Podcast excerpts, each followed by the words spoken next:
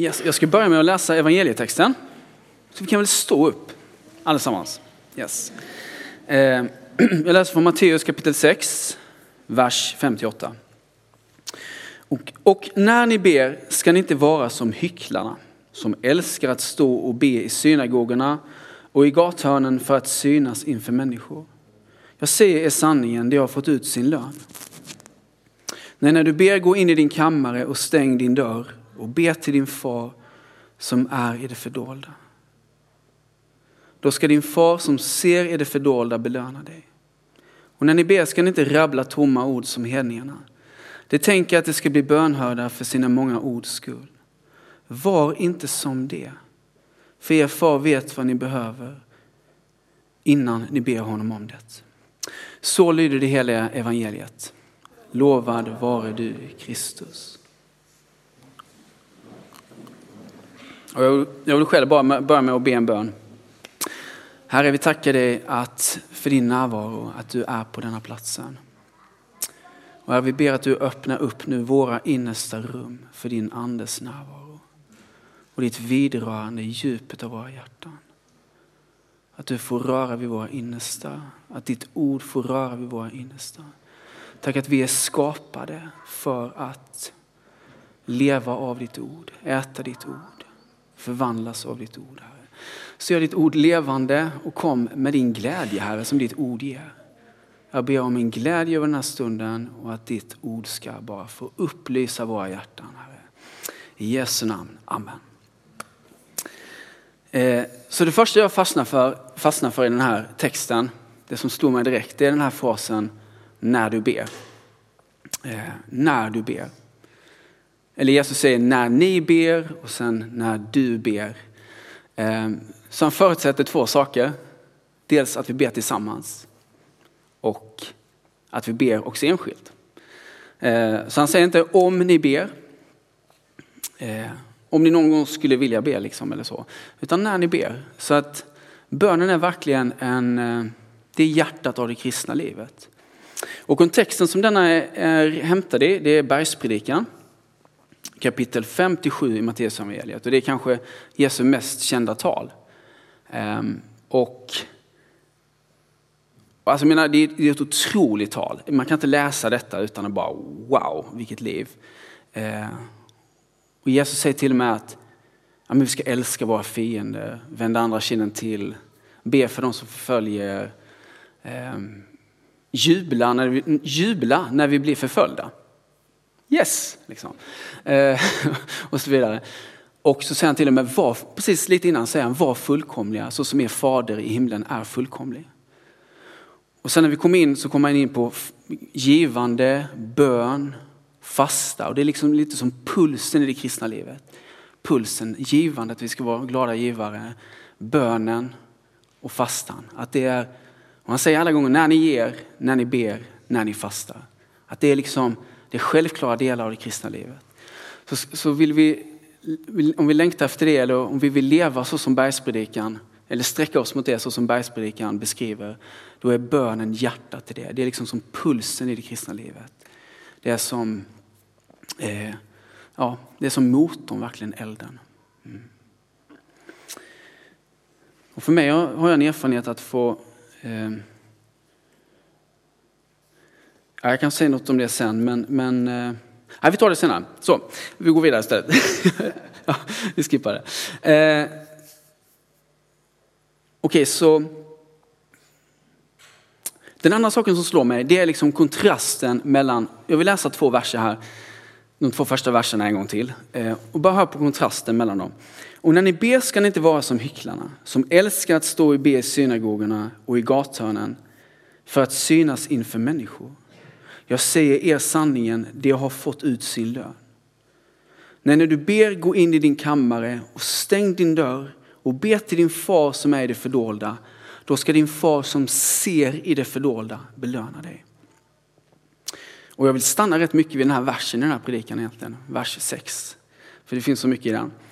Eh, och det första jag tänker på här då, det är kontrasten mellan vers 5 och 6. Alltså, det ena är att ha ett böneliv som är liksom mer för det yttre. Eh, och det andra är det inre livet. Ehm, och det, jag bara tänker på kontrasten rent geografiska. liksom att vi har, vi har gatuhörnen, egentligen tror jag det står hörnen på ett, torg, på ett torg. Liksom. Man tänker sig att det fanns något litet altare, eller kanske inte ett altare, det är judisk kontext, men liksom en liten plats där man kunde be och så.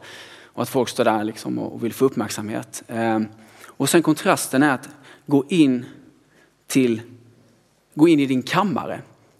Och på grundtexten är det faktiskt taimion. Det betyder egentligen förrådsrummet ordagrant. Som jag tänker Mellanöstern, cementhus, helt mörkt rum. Med liksom säckar kanske inuti eller så, så får man kravla upp där. Så man, det är liksom, tanken kanske inte helt bokstavlig, att du ska, måste gå just in i ditt förrådsrum eller så. Utan tanken är att gå in i ditt innersta. Eh, eller gå in där ingen ser. Så jag, jag bara tycker det är en intressant eh, liksom geografisk kontrast. Att det liksom finns en riktning. Det är som att Jesus pekar mot något annat. Vi har liksom alla ett yttre liv, liksom arbete och sånt annat. Om jag, om jag vidgar bilden lite. Vi har ett yttre liv, man har liksom relationer, vänner, man, man har liksom positioner i samhället på olika sätt eller på ditt jobb eller så. Men det är liksom lite som att Jesus säger att bönen, det här är något annat än yttre livet. Det är ett annat liv. Det är det inre livet. Som pekar liksom inåt, gå in, stäng. Och jag tycker det är så härligt liksom rent eh, hans uppmaning här. Att eh, när du ber, gå in i din kammare, eller gå in i det inre rummet, stäng din dörr och be till din far som är i det fördolda. Så det finns verkligen en uppmaning här till handling, liksom en avgränsning. Ja, vi har alla liksom yttre liv och så här. Men här, det är som en uppmuntran här att verkligen skapa plats för ett inre liv i ditt liv. Och jag tänker minst, alltså inte minst i vår tid när det finns så mycket med social media och så vidare. Att ja, vi behöver ta det här steget att stänga av. Liksom. Jag tänker det som en första princip i bönen, att vi behöver stänga av. Liksom det, det är en förmån vi får ha, en inbjudan från Jesus. Att vi får ha en plats i vårt liv där vi verkligen bara stänger av allt annat och bara är med Gud. Det är en otrolig förmån. Vi kallar det att ha det, vi kan unna oss att ha det. Och visst, vi får kämpa för att ha det. Ehm, men Jesus uppmanar faktiskt till handling här. Att liksom ta ett konkret tag i detta. Det, kan vara, alltså, men det är så lätt att bara att man bara slukas med av vad man säger, det yttre livet. Som eh, välsignat och på alla sätt och så. Men att det blir allt. Liksom. Att man bara åker med och, och kanske inte minst idag med alla telefoner och sånt. Att det, det, är så lätt att bara kolla saker hela tiden. Och, ja, ni känner till kampen med det. Ehm, men Jesus uppmanar verkligen till handling. Att ja, men ta tag i det här. Alltså, gå in i din kammare. Stäng dörren. Okej, nu är du där i det inre rummet och så kan du be. Um, och det jag tänkte komma till innan det var att jag har blivit, min, en del av er känner till, min fru är ortodox och vi går både till svenska kyrkan här och ortodoxa kyrkan. Jag själv är svenskkyrklig. Eh, men men eh, jag har blivit väldigt, där har de en tanke att, med en böneregel. Att man uppmuntrar varje troende att ha en, en böneregel. Och det kan låta lite, och det är helt enkelt en, en, oftast en ganska kort bön med vissa bestämda böner, ofta Fader vår och så vidare. Som man kanske ber varje, varje morgon och varje kväll eller så. Det kan se lite olika ut. Men det kan vara ens egna personliga bön. Och så, den kan man utforma lite som man vill och det finns liksom möjligheter, så här, böneböcker och sånt. Men, eh, och för mig har det blivit, jag har haft svårt måste jag säga. Liksom, bön i olika sammanhang, det har funkat bra att komma till ett bönemöte men lite att få liksom en struktur på det här med bönen har varit svårt för mig. många. Men det här har verkligen de senaste åren hjälpt mig. Att, eh, ja, att morgonen, jag är inte superinspirerad och bara står spontant be en, en lång stund. Liksom. Utan det är så skönt att bara få börja eh, bara gå in i samma rytm faktiskt. Eh, och för mig, för mig har det blivit väldigt, man, man är olika, man funkar olika där. Det är bara tips. Ehm, för mig har det blivit väldigt livgivande. Att det har blivit som en puls, jag kan återvända, en återställare. Liksom. När du vet, hjärtat börjar fladdra på olika sätt i det här yttre så får man komma in i det inre och bara, eh, ja, bara be.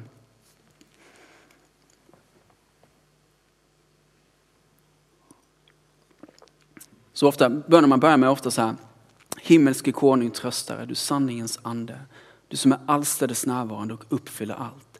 Kom och ta din boning i oss och rena oss från allt ont och fräls och gode våra själar. Så får man börja så, sen så, så är det lite Fader vår och så. Men, men på något sätt, hela tanken i alla fall att det, det är inte fel att ha en väldigt kort och enkel, alltså det kan vara pyttekort liksom. Men det är en väldig styrka när man gör det dag ut och dag in. Så så man kan börja jätteenkelt och så kan man utforma den lite som man vill. Och där kan det finnas det spontana också. Liksom. Ehm, men det var lite det där med handling och så. Och det kan också faktiskt vara väldigt bra att ha en plats för bönen. Vi har hemma ett altare som med lite ikoner och så tänder man ett ljus när man ber. Ehm, för mig har det också väldigt, ja det har blivit också en väldigt viktig sak. Så. Ehm, och man funkar olika där. Men, men det kan verkligen vara vackert med en plats för bönen. Hitta, vad är min plats? Vad är ditt inre rum? Om man tänker rent fysiskt nu. Var ska du gå in och be någonstans hemma? Ehm, och att lite, man kan bli lite konkret med om du förstår vad jag menar. Kanske en bra, det kan ju inte vara en exakt tidpunkt, men en vana när du ber liksom och vad du ber och så. Ehm, för mig är det en vila att bara få gå in i någonting faktiskt. Och sen kan finnas jättemycket utrymme för spontanitet inom det. Liksom. Ehm, det står också så här att och be till din far, och det här tycker jag är så underbart vackert, som är i det fördolda. Gud är i det fördolda. Då ska din far som ser i det fördolda belöna dig.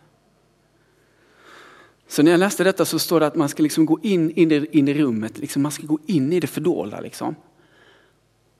Och då ska Gud som är i det fördolda och som ser i det fördolda, han ska belöna dig. Ehm. Så det är lite som att faktiskt, om man tänker sig det fördolda här då, man kan tolka det på olika sätt, rent en som plats i ditt hem, men också i ditt hjärta såklart, eller så. Där inga andra människor ser helt enkelt, den platsen. Ehm. Men, men ehm det är som att du har, alltså, så man kan uppmuntra att ha platsen av bön, att ha bön i sitt liv. Men man kan faktiskt säga så här också att du har en plats i ditt liv. Det finns en plats i ditt liv eh, där Guds ögon ständigt vilar. Gud är den som är och det Gud alltid är och han ständigt vilar. Och det är liksom om man säger så här bönens plats, bönen. Guds ögon vilar ständigt på den platsen. Ehm, så, så det är liksom en inbjudan att universums skapare, han säger att vi kan alltid, han, han vakar ständigt över liksom bönen, över, över oss. Och vi kan alltid bara vända oss till honom. Alltid. Han som är i det fördolda. Och han som ser i det fördolda. Och man kan också ta det lite djupare att lite det fördolda som vårt inre liv, liksom vårt hjärta, vårt innersta. Eh, vi sjöng här i sången att öppna Samuel, vad var det vi sjöng? Öppna alla mina dörrar, precis. Eh, jag vill öppna alla mina dörrar, hjärtats dörrar. Ehm, så det är som att, det är som en, man kan också se det som en uppmaning här att det som är i mitt inre, det får jag använda i bön. Liksom att gå in i sitt innersta, att gå in, om ni förstår vad jag menar och öppna alla dörrar och använda det som bön. Saltaren är verkligen en så fantastisk där. Den sätter ord på hela människans känsloliv. Liksom.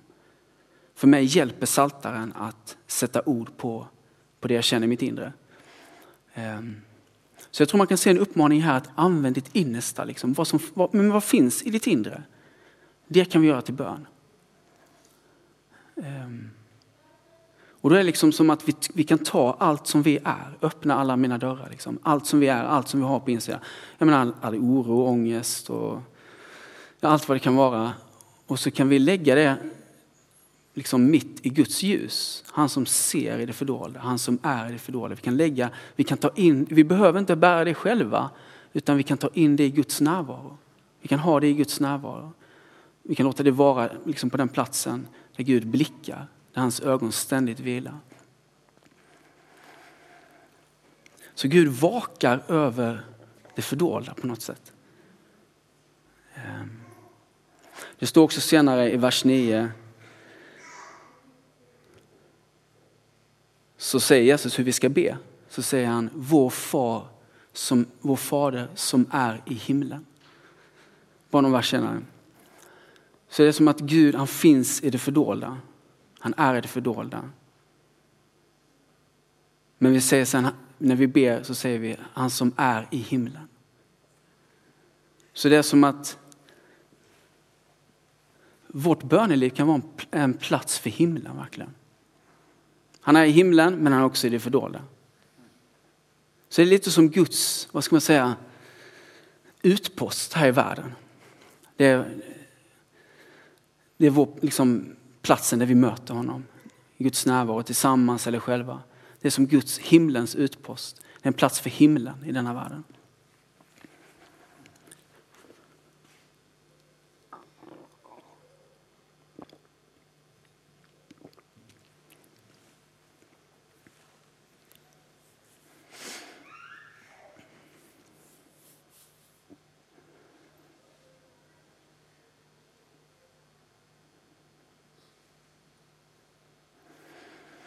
Det står också, då ska din far som ser i det fördolda belöna dig.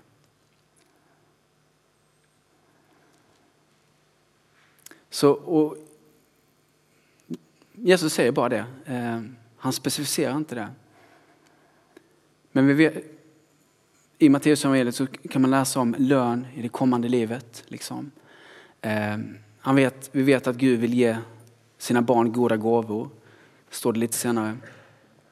Gud är en god far som vill ge sina barn goda gåvor. Ehm, jag tror också man kan tänka att lönen verkligen är Gud själv i bönen. Att det finns verkligen en belöning om vi ber. Det kan låta, vi kanske inte ska motivera med belöning, men det gör faktiskt Jesus här. Att det är en oerhörd välsignelse att be, verkligen. Det är otroligt det är otroligt viktigt och det är otroligt, en otrolig välsignelse som ligger i det. Alltså Jesus säger, när du ber, det är som att när vi börjar be, då börjar det hända grejer. Alltså jag kan känna så själv i mitt liv. Jag kan gå med saker så länge, det händer ingenting, men så börjar jag be och pang! Så bara börjar saker hända i mitt inre, saker börjar skifta. Eh, jag blir friare, gladare. Alltså bönen har, det har en sån kraft, verkligen. Och, det, det, finns, det finns en lön kopplat till det, absolut. Ehm, men jag tror att, och så säger Jesus sen när man läser eh, eh, två verser till. Och när ni ber ska ni inte rabbla tomma ord som hedningarna. De tänker att de ska bli bönhörda för sina många ords skull. Var inte som det, för er far vet vad ni behöver innan ni ber honom om det. Eh, så poängen är på något sätt, alltså Gud vet redan allt vad vi behöver. Det är inte så bara att vi kan komma till Gud och säga allt vi behöver. Det är, det är som att vi kan komma till Gud och han vet redan allt vad vi behöver. Eh, han som har skapat universum, jorden, han som är över alla kungar, alla makter. Han vet precis vad vi behöver. Och, så det är som att bönen är något mer än bara liksom våra behov. Utan det är Gud själv som är målet med bönen, att lära känna Gud. Kom in i platsen där jag är. Gud som är i det fördolda, han som ser i det fördolda. Kom in där så att jag får se dig. Liksom. Det är Guds längtan. Det är att bli sedd verkligen. Att bli sedd av Gud, det är bön.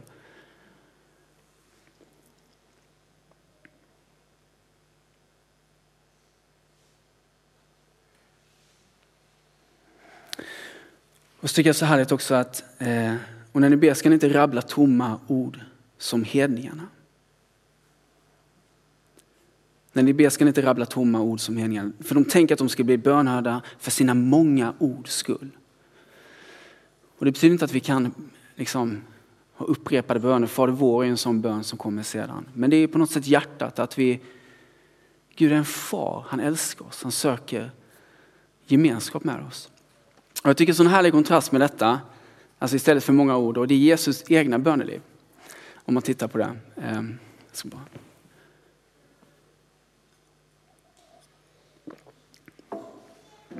Och det bara slog mig att ofta när Jesus ber för sjuka, vi hade ett möte här med Klas där han uppmuntrade oss att vara väldigt frimodiga att be för sjuka och så. Ehm, här i veckan. Vi som är förberedare. Men där kan man verkligen tala om, om korta böner. Eh, Jesus ska uppväcka en flicka som är död. Då säger han bara talita kom på arameiska. Talita kom. Lilla flicka, stå upp. Men det är bara två ord på arameiska. Talita kum. Um, och när han ska öppna ögonen på en blind, eller nej, på en, eh, den som, som är nästan är stum och någon som är döv, så säger han bara ett ord på arameiska. Efata. Och så öppnar sig öronen och, och munnen. Um, Och jag, bara, jag vet inte vad du hade gjort om du skulle be för någon som är död.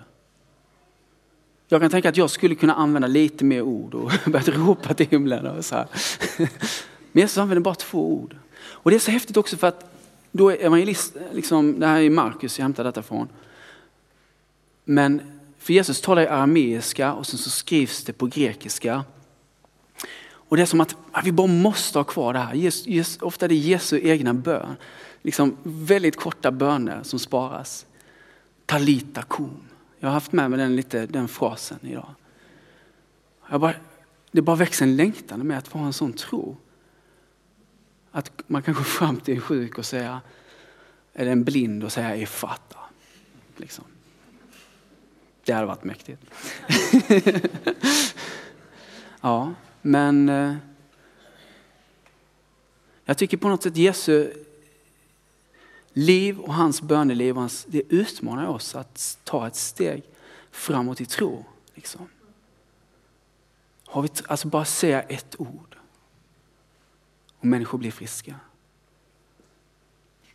Det är det bönelivet vi bjuds in till på något sätt. Ett ord. Säg bara ett ord Herre, säger Jesus.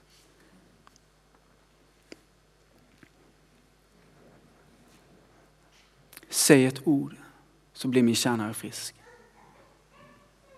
Yes. Yes.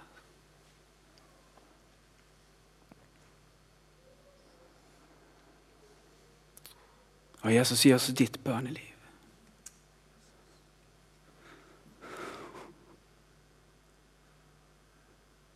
Jesus, låt oss få ha det du har.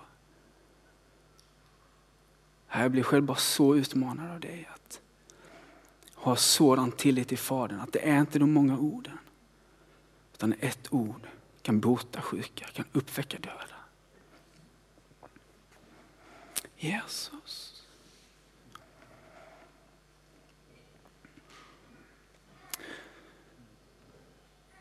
När ni ber. Men det finns också ett om ni ber. Jag vill avsluta med det.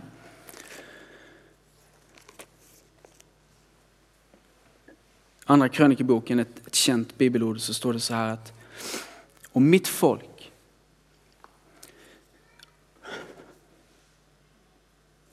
om mitt folk som är uppkallat efter mitt namn ödmjukar sig och ber och söker mitt ansikte och omvänder sig från sina onda vägar, då vill jag höra det från himlen och förlåta deras synd och skaffa läkedom deras land. Om mitt folk ödmjukar sig och ber. Om vi gör detta. Då har Gud lovat att han kommer komma och skaffa läkedom till vårt land. Det blir en liten touch av helande här liksom på slutet med Jesus som helare och så. Men hur skulle det se ut om Jesus tjänst fick svepa över Sverige? Alltså om Gud botar vårt land.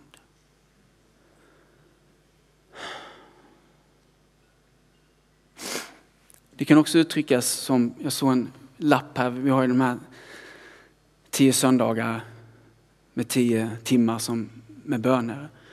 Vad skulle hända? Vad skulle hända om vi ber? Jag tror det bara finns en sådan utmaning från himlen. Det finns inga gränser på vad som kan hända när vi ber. om mitt folk som uppkallat efter mitt namn ödmjukar sig och ber, då ska jag skaffa läkedom åt deras land.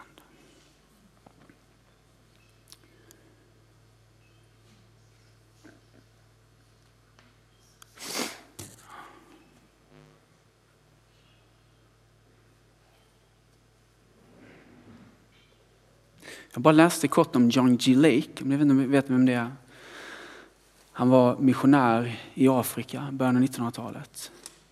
Han beskrev det som att vid ett tillfälle att jag är nog den hungrigaste människan efter Gud som finns på jorden. Jag bara måste, måste, måste ha Gud. Och så, det är en lång historia, men det var vid något tillfälle när de bad så var det som att han upplevde bara ett himmelskt vitt ljus runt omkring honom. Ett underbart ljus som blev liksom som en referens för resten av hans liv.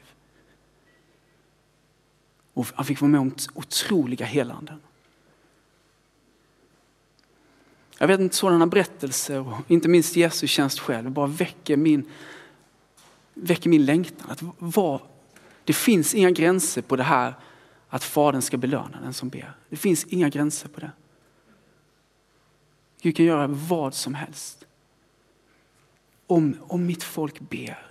Det finns inga gränser. Så Herre, vi ber att du ska komma över oss med bönens ande. Herre, låt oss få be som du ber Jesus. Lär oss att be, säger lärjungarna. Och vi vill lära oss att be. Vi vill följa, det är ju dig vi följer Jesus, för att vi ska bli lika dig och ha det liv du lever. Så Jesus, vi ber Herre, låt oss få ha ditt böneliv, din bönetjänst Herre. Herre, låt oss få se det du såg, Herre. I Jesu namn. Amen.